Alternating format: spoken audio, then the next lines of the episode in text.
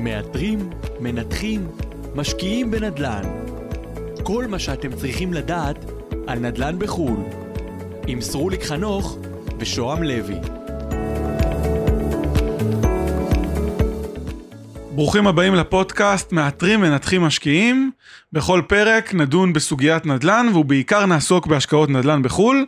אני שוהם לוי ואיתי סרוליק חנוך, בעלים ומנכ"ל ב-SDB. סרוליק שלום, מה נשמע? שלום שוהם, אה, שבוע אחרי שבוע אנחנו נפגשים, כיף להיות פה. כן, גם מתחיל להיות מעניין ואנחנו צוללים יותר ויותר לעומק ונותנים לאנשים עוד, עוד כלים ועוד אה, תובנות. כן, כן, היום אנחנו נדבר על אה, אה, ניהול אה, של פרויקטים בנדל"ן, על החשיבות של ניהול. אה, כבר זה באמת, אה, בוא נקרא לזה שלב אה, מקצועי יותר, התחלנו בדברים הכלליים, פרק קודם היה איך לנתח עסקאות אה, ולבצע את הרכישה. עכשיו אנחנו עוברים לשלב אה, ב', שזה ברגע שקנינו, איך מנהלים בצורה אפקטיבית, אה, מה החשיבות של זה, איך עושים את זה, מה הכלים, אה, מה נכון, מה לא נכון, אה, בזה אנחנו ניגע היום בפרק. מעולה, יאללה, אז בוא נתחיל. קדימה. תראה, ברחוב הישראלי כולנו מכירים אה, לקנות בית להשקעה, דירה להשקעה, בין אם זה בישראל ובין אם בחו"ל. אבל האם יש בכלל הבדל בין לנהל בית בודד ללנהל בניין, מרכז מסחרי, מה, איפה, איפה ההבדלים פה? אז, אז באמת יש הבדל גדול, כי לנהל אה, דירה להשקעה, שלא מעט ישראלים אה, מחזיקים דירה להשקעה, זה באמת יחסית אה, פשוט. לרוב הבניינים במדינת ישראל הם בנ- בניינים שבנויים בטון, רוב התקלות הם בין חשמל, תקלות אינסטלציה, מרימים טלפון, לכל אחד יש חבר או חבר של חבר שעוסק בהחזקה או שיפוצים, מגיע לדירה, משפץ, מתקן, מקסימום קצת מחליפים דיירים. אה, אה, ההליך הוא יחסית פשוט. ברגע שאנחנו מדברים על פרויקטים אה, גדולים, פרויקטים מסיביים בנדל"ן, גם בארץ וגם בחו"ל, אנחנו מדברים פה על פרויקטים בהיקפים של מיליונים או עשרות מיליוני דולרים, או פאונדים, כל מדינה בכסף שלה, ופה באמת כבר הניהול צריך להיות הרבה יותר אפקטיבי, בין אם זה נכס מניב, אם זה נכס שיש בו 100, 200, 300 מסוג מולטי פמילי, נגיד נכס מניב, זה נכס גדול מאוד, שיש בו אה, אה, אה, ניהול שוטף של הרבה מאוד דירות, או אה, עסקה יזמית, אה, או בניין משרדי, מרכז מסחרי, כל הדברים האלה דורשים כבר אה, ניהול ברמה מקצועית יותר, עם אנשי מקצוע אה, רגע, ברמה... אבל, אבל בסוף החברה היא נמצאת בישראל, ואין לה עוד בדרך כלל שלוחה, שלוחה בחו"ל.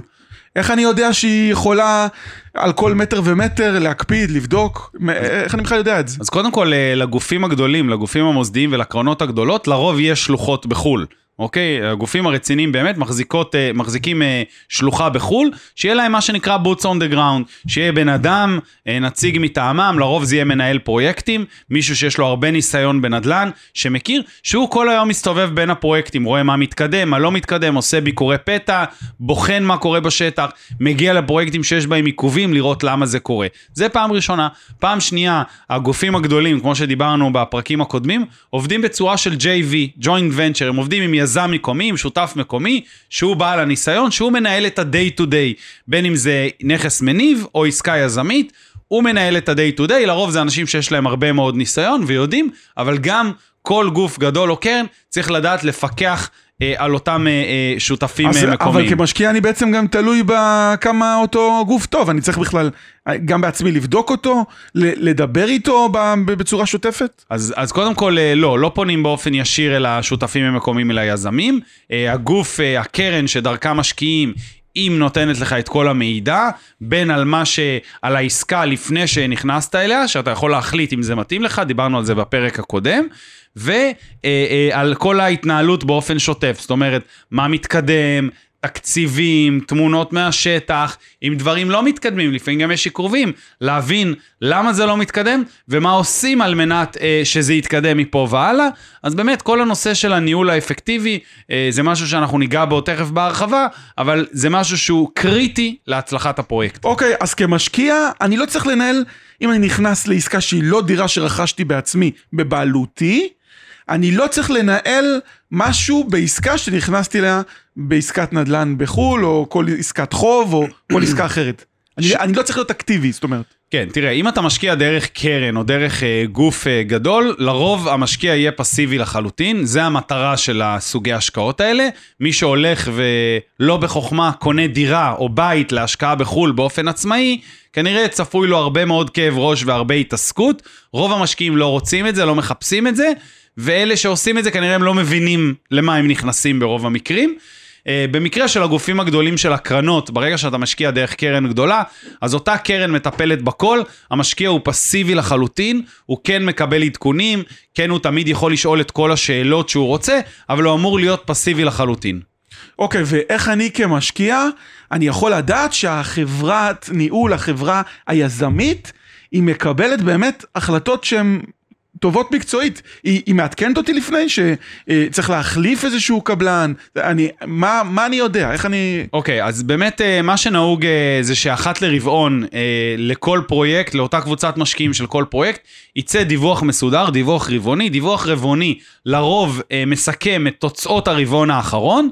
ובכמה היבטים, בדרך כלל בפן התכנוני, אה, בנייה, לוחות זמנים, ופעם שנייה זה בנושא הפיננסים, כספים, כמה כסף יצא, האם עומדים בתקציב, האם לא עומדים בתקציב, למה לא עומדים בתקציב, אה, האם משכנו את כל ההלוואה, האם נותרה הלוואה, מה מצב הריביות, ולרוב יש שם גם איזשהו תקציר על השוק, מה מצב השוק, היום השוק יותר טוב, פחות טוב, שוק חם, שוק קר, הדבר הזה אמור לתת סקירה. אז רגע, אז, אז כמשקיע, אם אני נגיד רואה חריגות בתקציב, רבעון אחרי רבעון, שניצלו את כל ההלוואה, כי בדרך כלל לוקחים יותר מדי, זה דברים שאני, שצריכים אה, להדאיג אותי? זה דברים שצריך קודם כל לברר למה הם קרו. לא בהכרח צריכים להדאיג. לפעמים יש חריגות בבנייה, לדוגמה, אני יכול לתת לך דוגמה לפרויקט שבמקור היה צריך לבנות 90 דירות, עם התקדמות הפרויקט, אה, אה, הצלחנו לקבל היתרים ל-145 דירות. מן הסתם שפוטנציאל הרווח עלה, אבל גם איתו ההוצאות, כדי לבנות 145 אה, דירות צריך יותר כסף מ-90 דירות. אז בפועל אתה יכול לראות במרכאות חריגה בתקציב, אבל החריגה הזאת היא באה לשרת אותנו כדי לבנות יותר דירות. אז אה, זאת אומרת, אז אם יש לי חריגה שנועדה להשביח את ההשקעה, אז אני, כ... ויש לזה אסמכתאות, כן? אז אני כמשקיע יכול להיות... מבין שיש לזה הסבר שהוא הגיוני. בוודאי. לכל גוף רציני יש מחלקה שנקראת מחלקת monitoring, ניהול פרויקטים. אותה מחלקה, מה שהיא עושה זה לוודא שהפרויקטים עומדים ביעדים שלהם, בלוחות זמנים ובתקציב. אלה שלושת הדברים שמאגדים באופן כללי אה, monitoring. לכל גוף רציני תהיה מחלקה כזאת, ולגופים רציניים לרוב יש עשרות, אם לא מאות פרויקטים שהם משקיעים במאות פרויקטים נדל"נים. קח לדוגמה את בלקסטון, קרן הנדל"ן אה, הגדולה, הפרטית הגדולה בעולם, משקיעה במאות נכסים אה, ברחבי העולם, אם לא אלפים, ויש להם מחלקות בדיוק כאלה של monitoring, גם לקרנות קטנות יותר יש את זה. והמטרה באמת לבחון מה קורה מתחילת הפרויקט ולראות האם הוא עומד ביעדים שקבענו. לדוגמה, כן. אנחנו קנינו קרקע בברוקלין, פרויקט של קרקע בברוקלין, והמטרה היא אה, להוציא היתרים. לבנות ולמכור את הדירות תוך שלוש שנים. זה היה מטרת הפרויקט, אלה היעדים, ולצורך כך הוקצב, סתם אני נותן לדוגמה, חמישה מיליון דולר, זה תקציב הפרויקט. אז פעם אחת לראות שאנחנו עומדים בלוחות זמנים. בתוך השלוש שנים האלה מפצלים את זה לחלקים, זאת אומרת למיילסטונס, לאבני דרך. לדוגמה, חצי שנה להיתר, שנה וחצי לבנייה ועוד שנה למכירות.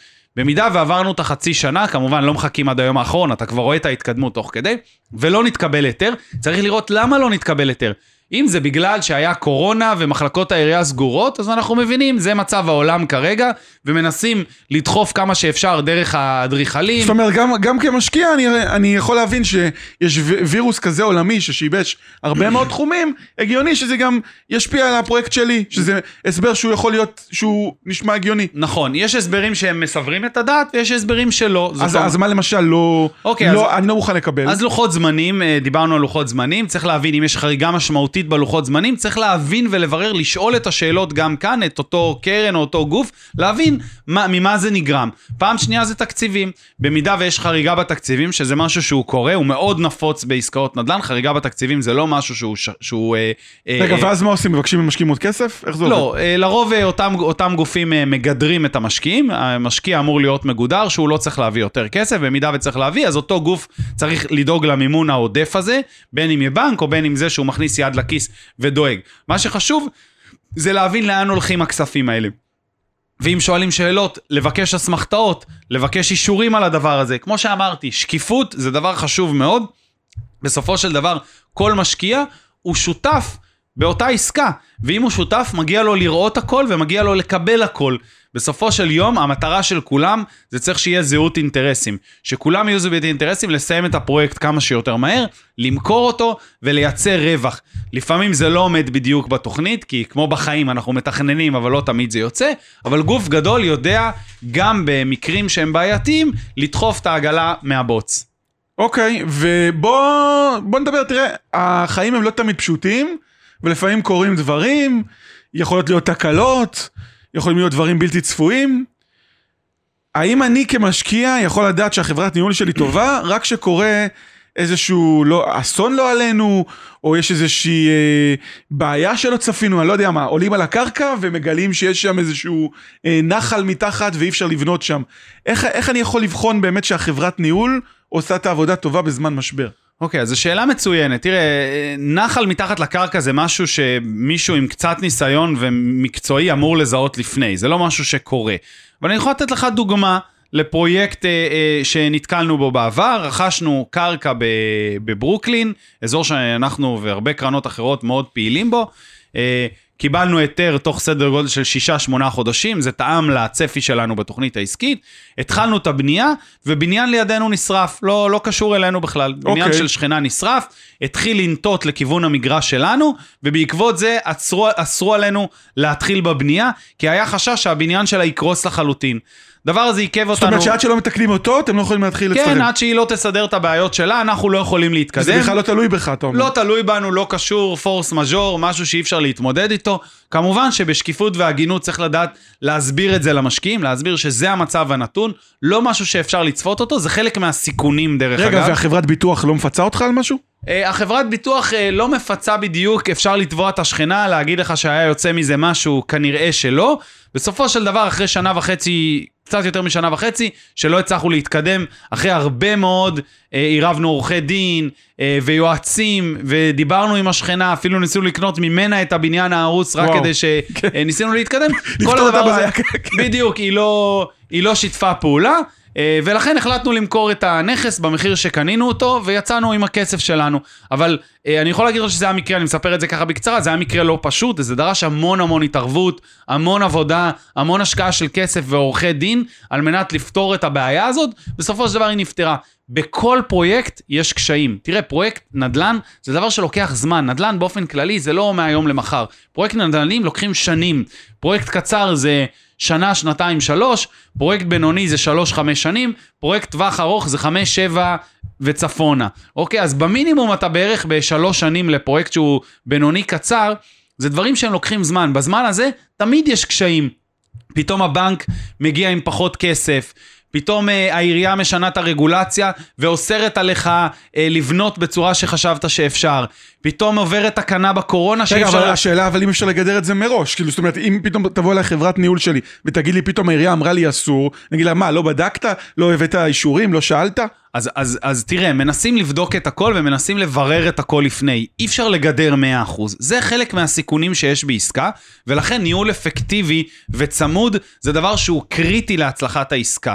אוקיי, אז אמרנו, דבר ראשון זה הבדיקות לפני, ומאחרי שקנינו את העסקה, עד שלב המכירה, צריך לדעת לנהל צמוד. ניהול צמוד זה אומר...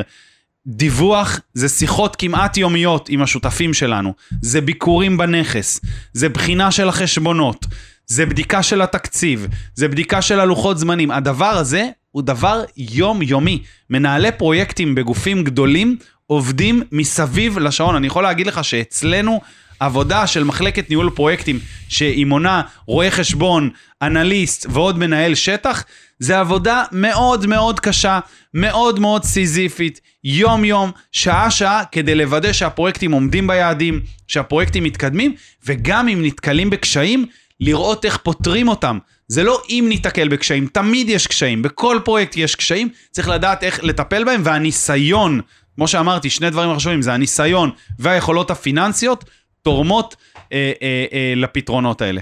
אוקיי, אתה יודע, יש משקיעים שאומרים, אה, טוב, אני לא רוצה את החברה היזמית, למרות כל הקשיים שאתה אה, ציינת, אני רוצה לנהל את זה בעצמי. איזה, איזה עצות אתה יכול לתת למשקיעים ש, שרוצים לנהל את זה בעצמם? הם, הם, הם, כמו שאתה אומר, ממש צריכים כל יום להיות בקשר עם השותף המקומי?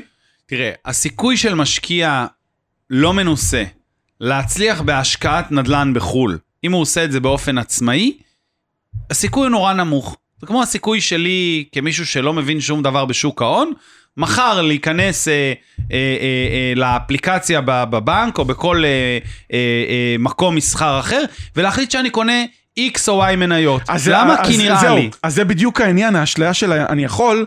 אתה יודע, אני גם נגיד, אה, הרבה פעמים ברשתות החברתיות, אני אומר, אה, עזבו אותי, אני לא רוצה לנהל שום, דבר- שום השקעה בעצמי, אני ש- מכניס את הכסף שלי לפוליסת חיסכון, לקופת גמל, ואז אומרים לי, כן, גובים לך דמי ניהול גבוהים, הם, אה, אה, בסוף המדד עושה אותו דבר. אתה יודע, אנשים מפקפקים, אומרים, אם אני מצליח במניות, גם פה אני אצליח. אז כאילו, אז, אז זה מאוד קשה להתווכח עם אותם אנשים, אתה מבין למה? אני מחפש באמת, כן, אז... תראה, יש, קודם כל יש אנשים שיש להם ניסיון, זה לא שלכולם אין. למי שיש ניסיון בנדל"ן והוא עושה את זה וזה המקצוע שלו, אהלן וסהלן, הוא באמת לא צריך אף אחד. אבל מי שלא מבין וזה לא המקצוע שלו והוא לא עושה את זה ב-day to day, הסיכוי שלו להצליח הוא נמוך. א', כי אין לו את הידע והניסיון בכלל לבחון מתוך אותן הצעות מה ההצעה הטובה ומה לא. אחרי זה, גם אם הוא הצליח לבחון, צריך לדעת לנהל את זה באופן אפקטיבי. אתה לא יכול לעשות את זה כתחביב מהצד. כשאתה עושה משהו מהצד כתחביב, זה גם נראה כמו תחביב. זה לא מקצועי. נדל"ן זה עסק מקצועי רציני. אי אפשר לעשות את זה על הדרך. כשאתה עושה את זה על הדרך, זה גם נראה על הדרך. ולכן אני שוב בא ואומר, אפשר לעשות ניסיונות, ואפשר לצאת להרפתקאות. כי הוא יכול להגיד באופן- מה, את השותף הזה מרחוק, גם אני יודע לנהל, אני עובד נגיד תשע עד שש, בסדר? לא יודע מה, אותו בן אדם שעובד מהייטק, אנגלית, מדבר שפת אם, ספץ ומכיר שם אנשים באזור, יגיד בסדר, אני אחזור מהעבודה בערב, השותף שלי עובד בשעות הפוכות, כי זה ארצות הברית, אני אענה לו למיילים, אני אענה לו לטלפון, אני אענה לו מה שצריך. למה שאני לא אצליח? ופה אני ארוויח עוד 30-40 אחוז יותר, אני לא יודע כמה. אוקיי, אז, אז, אז התש- התשובה מתחלקת לשניים. פעם אחת, הוא צריך שיהיה לו את הידע בכלל, מה לשאול ומה לבדוק. אוקיי? זה פעם אחת. לרוב האנשים אין את הידע מה לבדוק ומה לשאול כדי לראות שהפרויקט באמת מתקדם.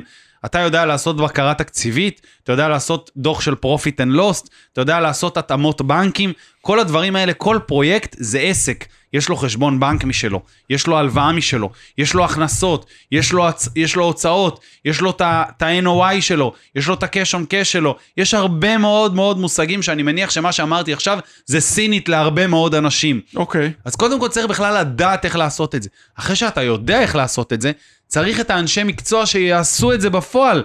זאת אומרת, אתה צריך להגיע, לבקר את הנכס לפחות אחת לשבועיים, אחת לחודש, אוקיי? אז הוא להגיע יגיד לראות... לי, אני גם עובד בהייטק, יש לי איזושהי, איזושהי נסיעת אה, עבודה, אז על הדרך אני אבדוק, אתה יודע, יש... אה, למשל, כשאתה מסתכל על כל מיני דיונים ברשת, כאילו, יש מאוד מאוד גישה כזאת של ידע של משקיעים ו, ול, ולקחת אחריות על, על עצמם, ולא, ופחות לתת לגופים, גם בתיקי מניות אני רואה את זה. יש הרבה, אנשים שמאוד אקטיביסטים, שהם, שהם אומרים, אני רוצה, אני רוצה לעשות. כן.